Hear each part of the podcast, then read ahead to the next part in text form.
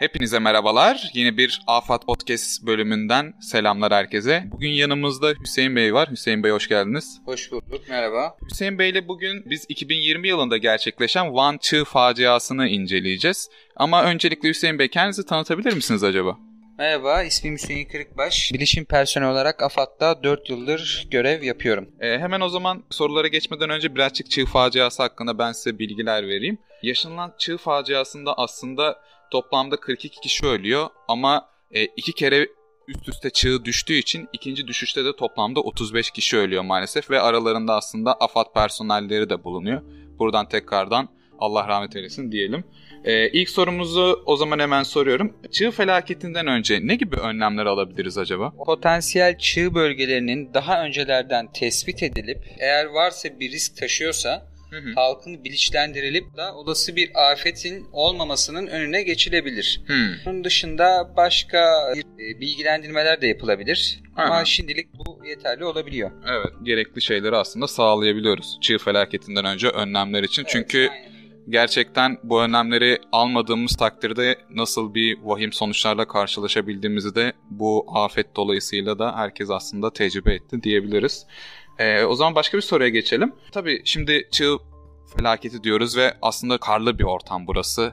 Ee, gerçekten bazen göz gözü görmüyor diyebiliriz.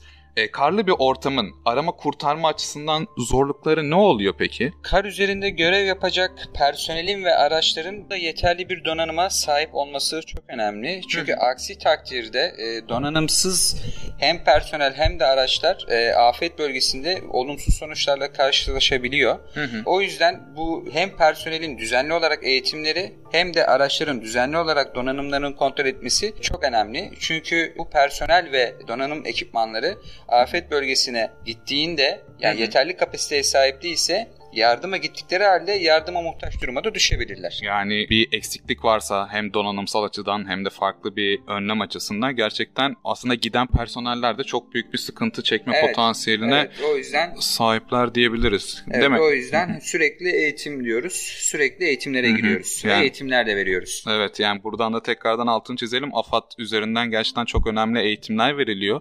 Dinleyen herkese de buradan tekrardan söyleyelim. Ve bu eğitimler sonucunda hem e, çığ faciaları olsun hem deprem olsun, sel olsun farklı farklı aslında eğitimler de var. Evet sürekli eğitimlerimiz Hı hı. mevcut. Hatta Soner AFAD Başkanlığı'nın düzenlemiş olduğu AFAD Gönüllülük Sistemi'nde sürekli her alanda her afetle ilgili bir eğitimlerimiz mevcut. Hı hı. Hatta Soner Bey'le de konuşmuştuk aslında ilk yardım konusunda da çok önemli e, bilgiler veriliyor ve hani olası bir eğer ki tabii ki inşallah kalmazsınız ama e, çığ faciasında kaldığınızda yanınızdaki kişilerin de e, yardıma muhtaç olduğunu gördüğünüzde çok önemli ilk yardım eğitimlerine hakim olmanız gerekiyor. Belki sevdiğiniz bir kişinin hayatı sizin elinizde olabilir diyelim buradan Evet tekrardan. tabii ki. Ee, o zaman başka bir e, soruya geçeyim. Peki bu bölgede dedik ki iki kere üst üste bir çığ düşme olayına rastlandı. Peki bu ikinci çığ neden düşebiliyor? Şimdi şöyle potansiyel olarak daha önceden herhangi bir analize uğramamış olmasından dolayı olabiliyor. Bölgeye giden, bölgeye yardıma giden ekibin olayın vehametine kapılıp yaraları kurtarmak için başlattığı çalışmanın neticesinde de olmuş olabiliyor. Ee, ortamda oluşan seslerden etkilenebiliyor ve bölgede karın yoğunluğundan dolayı Hmm. ikinci bir çığ düşmesi de e, sebep olabiliyor. Hı. Bu olayın ardından yetkili bilimlerimizle tecrübe sahibi oluyoruz. Hmm. Gelecek dönemlerde de böyle bir afetin yaşanmamasını umut ediyoruz. Hı. Anladım. Yani gerçekten hem halkımızın böyle hani potansiyel risk taşıdığını düşündüğü yerlere giderken belli bir ses aslında frekansını geçmeden konuşması Tabii ki, gerektiğini tabii ki. hem de hani aslında personeller bile tabii ki olayın vehametiyle hemen hızlı bir şekilde hani anladığımız kadarıyla yardım etmeye çalışıyor ve hani onlar bile bazen hata yapabiliyor ve bu hatalardan ötürü de e, aslında çok büyük sıkıntılar da yaşanabiliyor. Tabii ki. İnşallah bunun tekrardan yaşamamayı umut Arama- ediyoruz. Arama kurtarma faaliyetlerinde yani sessiz olmak tek çığda geçerli değil. Biz enkazda arama kurtarma yaparken de e, bir sessizlik istiyoruz ki bizim canlıya ulaşabilmemiz için, ses duyabilmemiz için cihazlarımız var. Aynı zamanda tabii çığdaki olay da bu şekilde ama tabii çığdaki olayın biraz daha e, durumu farklı. İşte kar düşmesin Hı-hı. Yani seslerimizden etkilenmesin diye. Hı. Yani aslında afetler arasında da bir bağlantı var diyebiliriz evet, hani benzerlikler evet. vesaire. Arama kurtarmaların temeli hemelde genelde aynı oluyor. Hı, anladık. O zaman e, başka bir soruya geçelim hemen.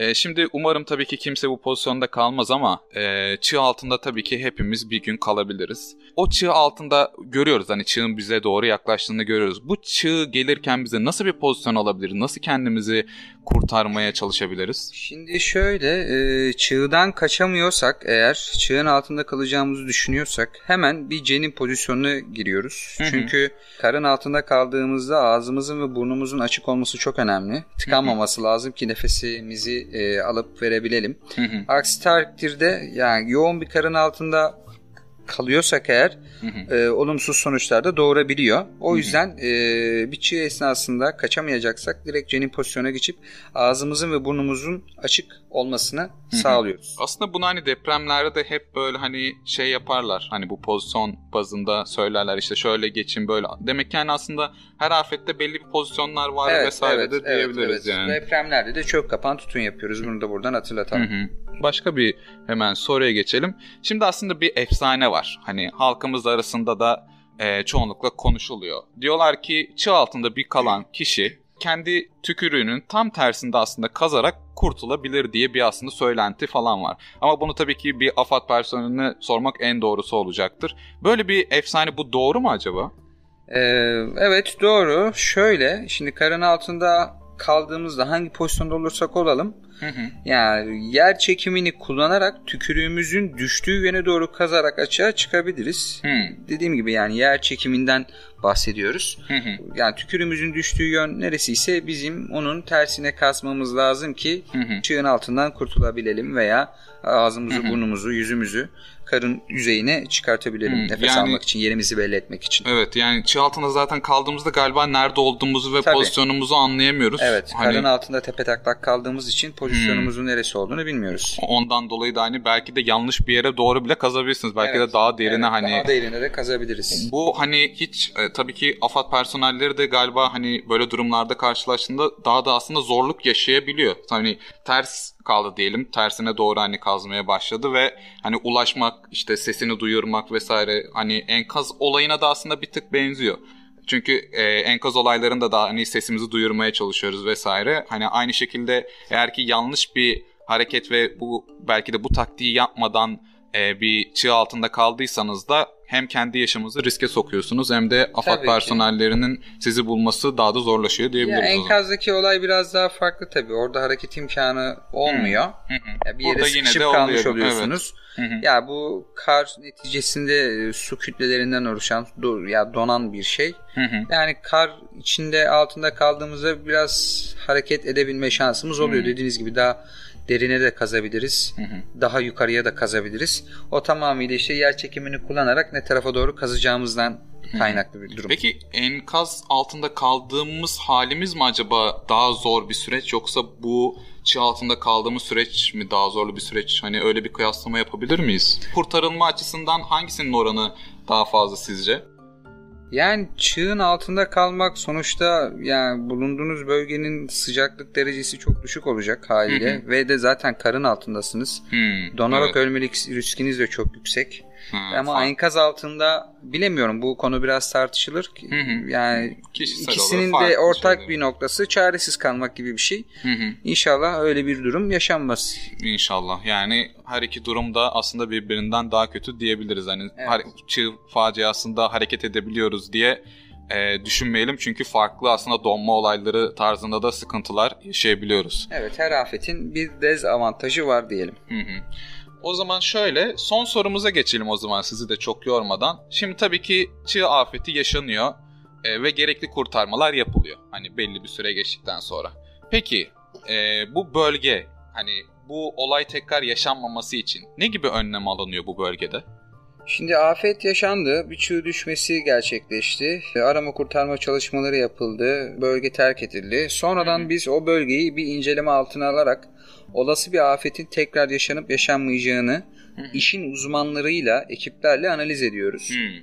Eğer ki potansiyel afet durumu devam ediyorsa biz o bölgede yaşayan halkın o bölgeye ulaşımını kısıtlıyoruz ki gene enkaz e, çığ altında düzeltiyorum çığ altında yaralanmalar, mahsur kalmalar yaşanmasın. Ama potansiyel olarak o e, çığın düşme tehlikesi mecburen e, haliyle devam etmiş oluyor. Ama biz yine de e, o alanın güvenliğini halkımızdan ötürü al, alıyoruz, almaya çalışıyoruz. Herhangi bir tekrardan hem yaşanmasın hem de herhangi bir kişiye de aslında zarar gelmesin Evet, diye aynen öyle. oraya çeşitli önlemler alınıyor biliyor diyebiliriz. Siz de eğer ki ileriki bir zamanda böyle bir e, bölgeye gördüyseniz ya da deneyimlediyseniz aynı bölgeye yetkili kişilerin herhangi bir emri olmadan aslında çok da gidilmemesi gerekiyor diyebiliriz. Çünkü bir bakmışsınız hani bir incelemeye gittiniz ya da "Aa, ne olmuş diye meraktan da gidebiliyor Tabii ki. insanlar. Ama bir anda belki de fark ikinci defa ya da üçüncü defa bile çığ facialarıyla karşılaşabiliyoruz. Bu da tabii ki herkes için çok büyük bir sıkıntı olabilir. O zaman e, bu podcast bölümümüzün sonuna gelelim. Çok teşekkür ederiz aslında Ben de çok teşekkür ederim. için. Çok sağ olun. Çok memnun oldum. Çok keyif aldım. Çok teşekkür ederiz o zaman. Hüseyin Bey'e de buradan tekrardan teşekkürler. Bir podcast bölümümüzün daha sonuna geldik. Hepinize teşekkür ederiz. Dinlediğiniz için görüşmek üzere.